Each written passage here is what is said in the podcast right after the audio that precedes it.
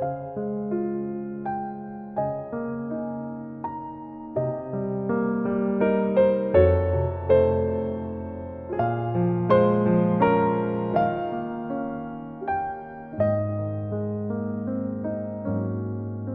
bunyi yang membuatku lupa tentang saat di mana luka itu berada dan rindu tak lagi menyapa. Di pagi saat aku sedang menenun kenangan yang melayu, suasana tiba-tiba sendu. Menakar tujuanku yang semakin buram, tapi nuansanya tetap kelabu.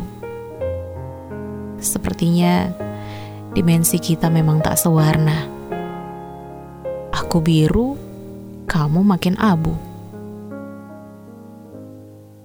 Lalu aku hanya berjalan berhadap-hadapan harap sambil lalu.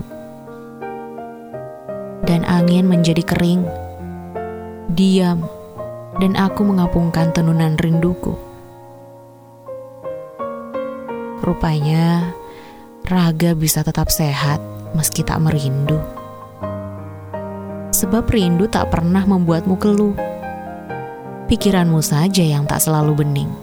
Makanya kau lupa.